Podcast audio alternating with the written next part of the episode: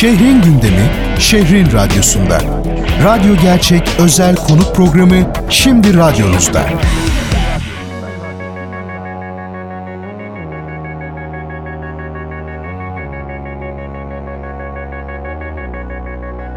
Bugün Samsun Takev Okulu kurucu ortağı Oktay Yapıcı konuğumuz. Oktay Bey merhaba, hoş geldiniz yayınımıza. Öncelikle sizi ve okulunuzu biraz tanıyabilir miyiz? Evet, herkese iyi günler. Ee, teşekkür ederim davetiniz için. Ben 19 Mayıs Üniversitesi'nde öğretim üyesiyim Nükleer Tıp'ta ve aynı zamanda TAKEV okullarının da kurucu ortağıyım.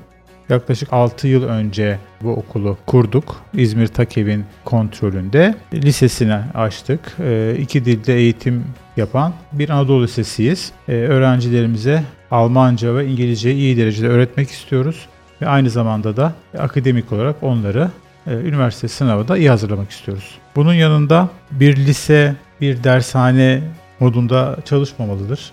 Öğrenciye verebileceği çok e, önemli e, vasıflar var. Ben her zaman okulda öğretmenlerimize ve öğrencilere şunu diyorum. Bizim en büyük görevimiz size sizin kendinizi tanımanızı sağlamak.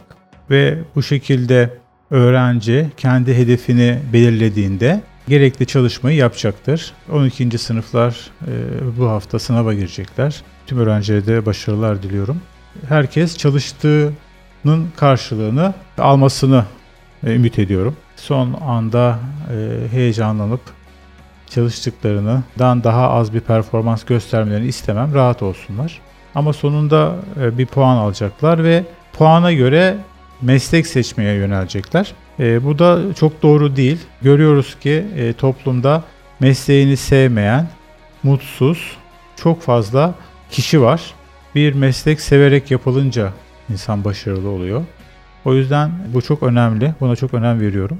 Ve biz okulumuzda bu konuda çok farklı projeler yürütüyoruz. Özellikle bu sene pandemiden dolayı çok istediğimiz her şeyi yapamadık. Çocuklar evde, hocalar evde, bazen okulda. Karışık bir bazen okula geldiler. Çok karışık bir dönem geçti. E, geri hocalara konuşuyorum. Nasıl geçti bu sene bir değerlendirir misiniz diyorum. Özellikle hazırlık sınıfı öğretmenlerimize, Almanca ve İngilizce öğretmenlerimize sordum bu soruyu daha dün. Çünkü bizim için hazırlık sınıfında vereceğimiz temel Almanca çok önemli. İlk defa karşılaşıyorlar bu dille. Ee, ve çok iyi geçmesi gerekiyor ki ileriki senelerde 9 ve 10. sınıfta Alman hükümetinin dil sınavlarına girdiklerinde başarılı olsunlar istiyoruz. Öğretmenimizin cevabı şöyle oldu, çok ilginç. Yüz yüze de çalışan öğrenci online'da da çalıştı ve çok fazla bir eksiği yok. Ama yüz yüze de yeterli çalışmayı yapmayan öğrenci online'da da aynı şekilde performans düşüklüğü gösterdi. Onlar için kötü geçti dedi. Peki biz dedim bu öğrencileri nasıl kazanabiliriz, ne yapabiliriz? Bu yazın en azından onlara bir takviye kursu açalım. E, onları tekrar böyle bir canlandıralım istiyoruz. Onunla ilgili çalışma yapıldı. Ama e, özetle biz okul olarak, öğretmenler olarak ne kadar planlama da yapsak, öğrenci kendi üzerine düşen görevi yeteri kadar yapmadığı sürece o istediğimiz başarıya ulaşamıyoruz. Şimdi e, burada tamamen temele inmek gerekiyor. Bu eğitime ben bayağı bir kafa yordum doktor olmama rağmen. E, bu eğitim çalışma alışkanlığı e, ilkokul seviyesinde başlıyor esasında. Küçük kızımın ilkokul öğretmeni şöyle demişti. İlkokul 3. sınıfa kadar biz bir çocuğa kendi başına ödevlerini yapma, ders çalışma alışkanlığını vermemiz gerekiyor demişti.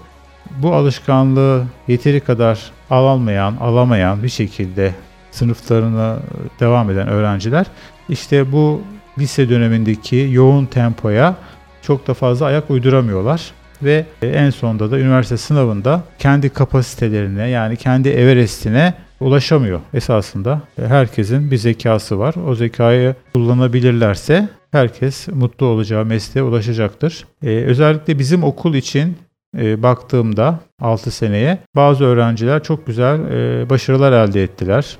Bizim övünç kaynağımız oldular. Geçen sene bir öğrencimiz e, Almanya'da e, bir üniversiteye, daha doğrusu 3 üniversiteye kabul aldı. Bir tanesini tercih etti. Şu anda Almanya'da moleküler biyoloji okuyor. E, bir öğrencimiz Kanada'ya kabul aldı. Şu anda Kanada'da okuyor. Dünyanın en iyi 25. üniversitesi Columbia Üniversitesi'nde ekonomi okuyor. Bazı öğrencilerimiz e, Türkiye'de devam ediyorlar. çalışmalarını. Bazıları da sınavı kazanamadı veya daha yüksek puan alacağını e, ümit ederek bir sene sonra şansını deneyecek. Onlar da eminim bu pandemi sürecinde gerekli çalışmaları yaptılarsa e, istedikleri bölümleri kazanacaktır. Ama baktığımızda bizim okul Samsun Takev Lisesi de okumak çok kolay değil. Niye kolay değil? Çünkü biz hem Almanca ve İngilizce'de çocuklardan yüksek performans bekliyoruz. İşte DST1 ve DST2 diploma sınavlarını geçmesini istiyoruz ki Almanya'da üniversite okuma hakkı kazansınlar. E, TOEFL'ı geçsinler, e, herhangi bir üniversitenin e, hazırlık sınıfını geçebilecek düzeye gelsinler. Normal zekada düzenli çalışan her öğrenci hiç sıfır dille bile gelse biz bu başarıyı elde ede, ede, edebilir öğrenciler. O hocalarıma e, güveniyorum. E, programımıza, TAKEV'in programına çok güveniyorum. E, akademik olarak da hem ders sayımız fazla. Bir fen lisesindeki kadar matematik, fizik, kimya, biyoloji, edebiyat derslerimiz var. Ve iyi öğretmenlerle çalışıyoruz konusunda tecrübeli. Yani akademik olarak da biz çocuğa, öğrenciye her türlü imkanı sağlamış durumdayız. Ama 5 e, sene sonra baktığımda bazı öğrenciler maalesef istediğimiz başarıya ulaşamıyorlar. E bunun geri planında e, tek değişken faktör burada öğrenci değişkenliği var. Yani sorumluluğunu bilen, düzenli çalışan, bir öğrenci e, başarılı oluyor. Ben e, çok çalışan öğrenci başarılı oluyor demiyorum farkındaysanız.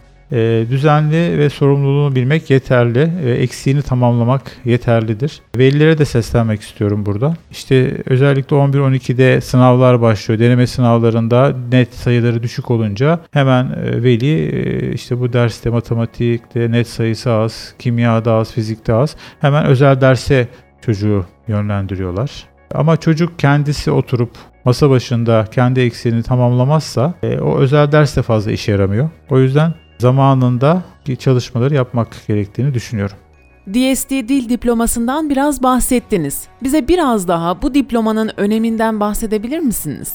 Alman e, eğitim ateşeliği Almanca öğreten e, okulları bir statüye bağlıyor ve %75 sınavlarda 175 başarı gösteren okulu e, dil diploma okul olarak ilan ediyor. Yani sen Almancayı öğretebiliyorsun, ben senin eğitimini tanıyorum diyor ve bize sınav yapma yetkisi veriyor.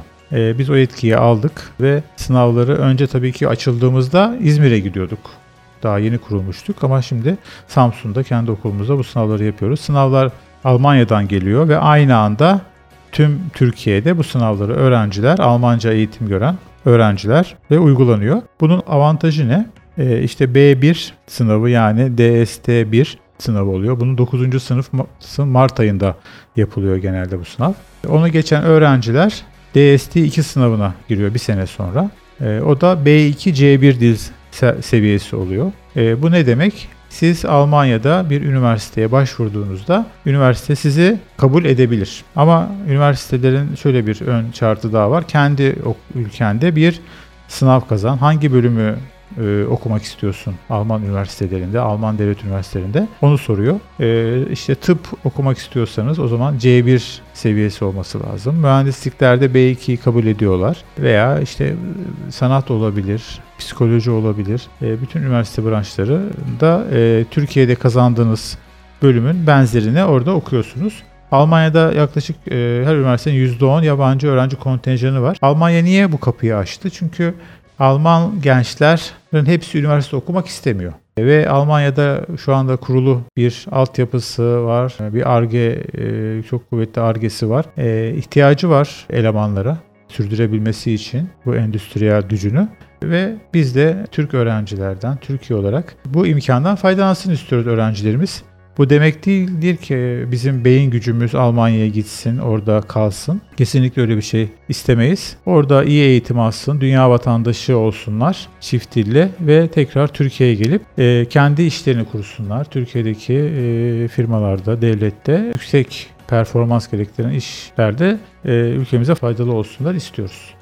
Yeni öğretim yılında planlarınızı öğrenebilir miyiz? Önümüzdeki yıl pandemi şartlarının çok agresif olacağını düşünmüyorum bir doktor olarak. Aşılama oldukça hızlı gidiyor. Şu andaki bütün e, mutasyona uğrayan virüslere karşı da şu andaki aşılar koruyucu.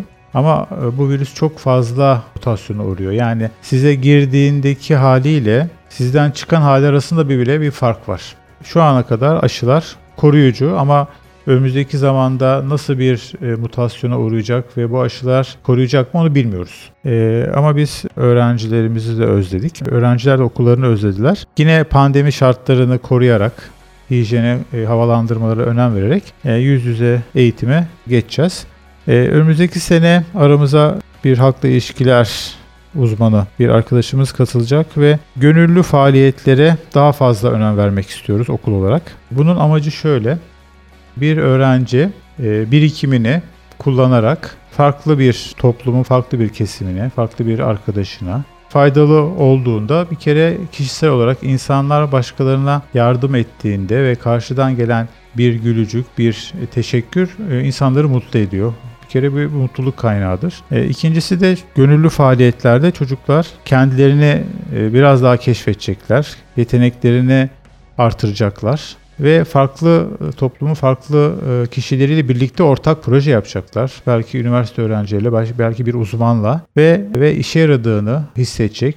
Belki o sürede tanıştığı farklı bir meslek grubuyla grubunu tanıyacak ve o meslek kendi mesleği olacak ilerisi için. E, o yüzden buna önem veriyor, vereceğiz bu sene, önümüzdeki sene. Özellikle velilerle birlikte veli gücünü de kullanarak kendimiz dışındaki gruplara da faydalı olmak e, istiyoruz. E, ikinci bir e, projemiz özellikle kırsalda yaşayan e, öğrenciler yeterli e, eğitim imkanına sahip değiller maalesef öğrencilerimizin bu kırsaldaki öğrencilerle birlikte ders çalışmasını, işte bildiği konuyu veya işte arkadaşının çözemediği soruyu ona sormasını ve bir online platformda yardımcı birbirlerine yardımcı olmalarını imkanı sağlayacağız. Burada öğrenci bir konuyu bilmeyen birisine anlattığında bir kere bu öğrenmenin öğrenmesi öğrenmenin bir kuralıdır. Yani başkasına anlattığınız zaman daha pekişir konunuz. O açıdan kendisi o konuyu daha unutmayacaktır ve karşı tarafa da faydalı olacaktır diye düşünüyorum.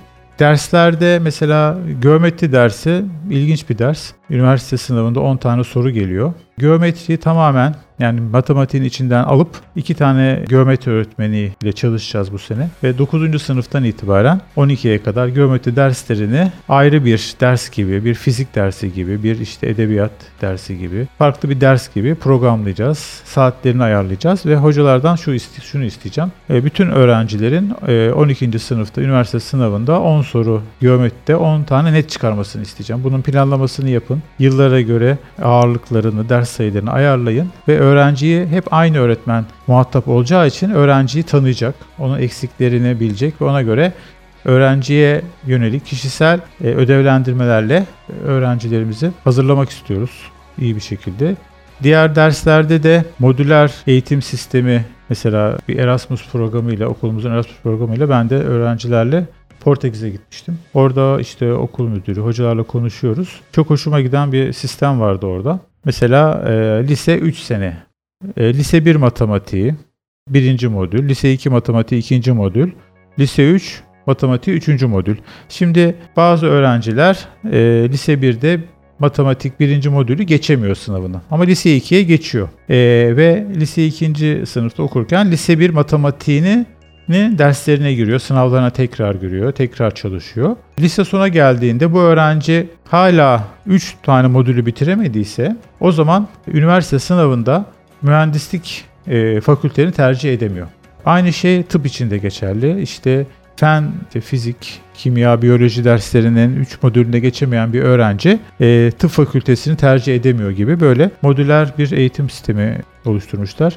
Yani baktığımızda her öğrencinin her derste çok başarılı olması gerekmiyor. Mesela geçen hafta bir öğrenci başvurdu. Yabancı dili çok iyi. Yabancı dili çok merakı var ama diğer dersleri o kadar da iyi değil. Şimdi normal olarak benim puanı da çok yüksek gelmeyecek belli puana göre de öğrenci almaya çalışıyoruz okulumuzda ama şimdi bu öğrenci e, hem bizi de okumayı çok istiyor hem de hedefi yabancı dille ilerlemek. O yüzden biz bu öğrenciye yabancı dilde gerekli altyapıyı vereceğiz. Biraz matematik, biraz edebiyat netiyle bu öğrenci istediği e, yabancı dil fakültesine girebilir.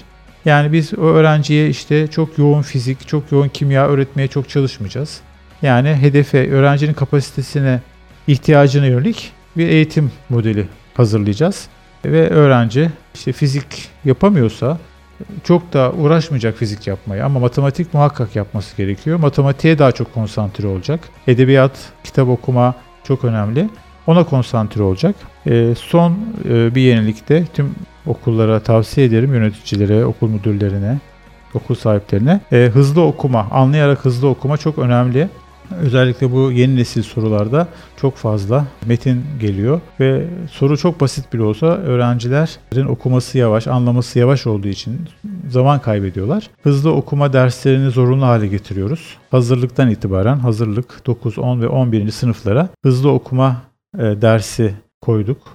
Dışarıdan bir bu konuda uzman bir hocamız var. Onunla da anlaştık. O yarım dönemde bu işi halledeceğini söyledi. Ondan sonra öğrenciler bu tekniği öğrendikten sonra kendilerini geliştirecekler. Tabi burada kendini geliştirmezse öğrenci kendisi kaybeder. Yani o yüzden biz ona e, bunun önemini açıkladık, açıklayacağız e, ve öğrencilerimize her alanda faydalı olmaya çalışacağız. Oktay Bey paylaştığınız bilgiler için çok teşekkür ediyoruz. Yayınımızın artık sonuna geldik. Son olarak öğrencilere ve velilere neler söylemek istersiniz? Son olarak e, şunları söylemek isterim.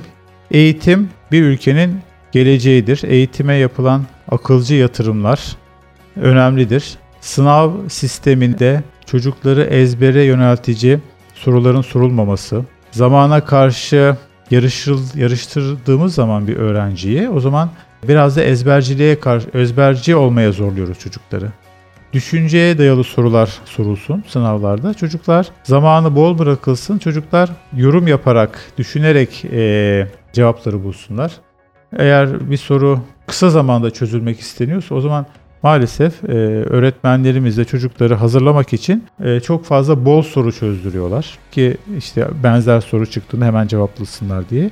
Ama o zaman öğrenci konuyu niye öğrendiğini, bunu niye niye böyle var düşünmüyor, yorum yapmıyor. E, bu da e, bizi bilimden uzaklaştırıyor. O konuda ben milli eğitimden de çağrıda bulunuyorum. Bu konuda bazı yenilikler yapmamız gerekiyor. Öğrencilerin okullarını sevmesi, öğretmeni sevmesi başarıyı artırıyor. O yüzden bizim sloganımız mutlu çocuklar başarır. Öğrencilerin ok- okulda mutlu olarak vakit geçirmesini arzu ederim. Son olarak bu hafta cumartesi ve pazar üniversite sınavı var. Bu bir hayatın küçük bir e, dönemeci. Şu ana kadar birçok öğrenci daha zor sınavlara girdiler, çıktılar. Girecekleri sınav o kadar da zor olmayacaktır. Ama performanslarını iyi sergilemezse öğrenciler o zaman hayal kırıklığına uğrarlar. O yüzden maksimum performansta başarılar diliyorum tüm öğrencilere ve, ve velilere. Sabır diliyorum ve onlara teşekkür ediyorum öğrencileri e, desteklemeye devam ettikleri için. Şehrin bilgi temalı modern sesi. Radyo Gerçek.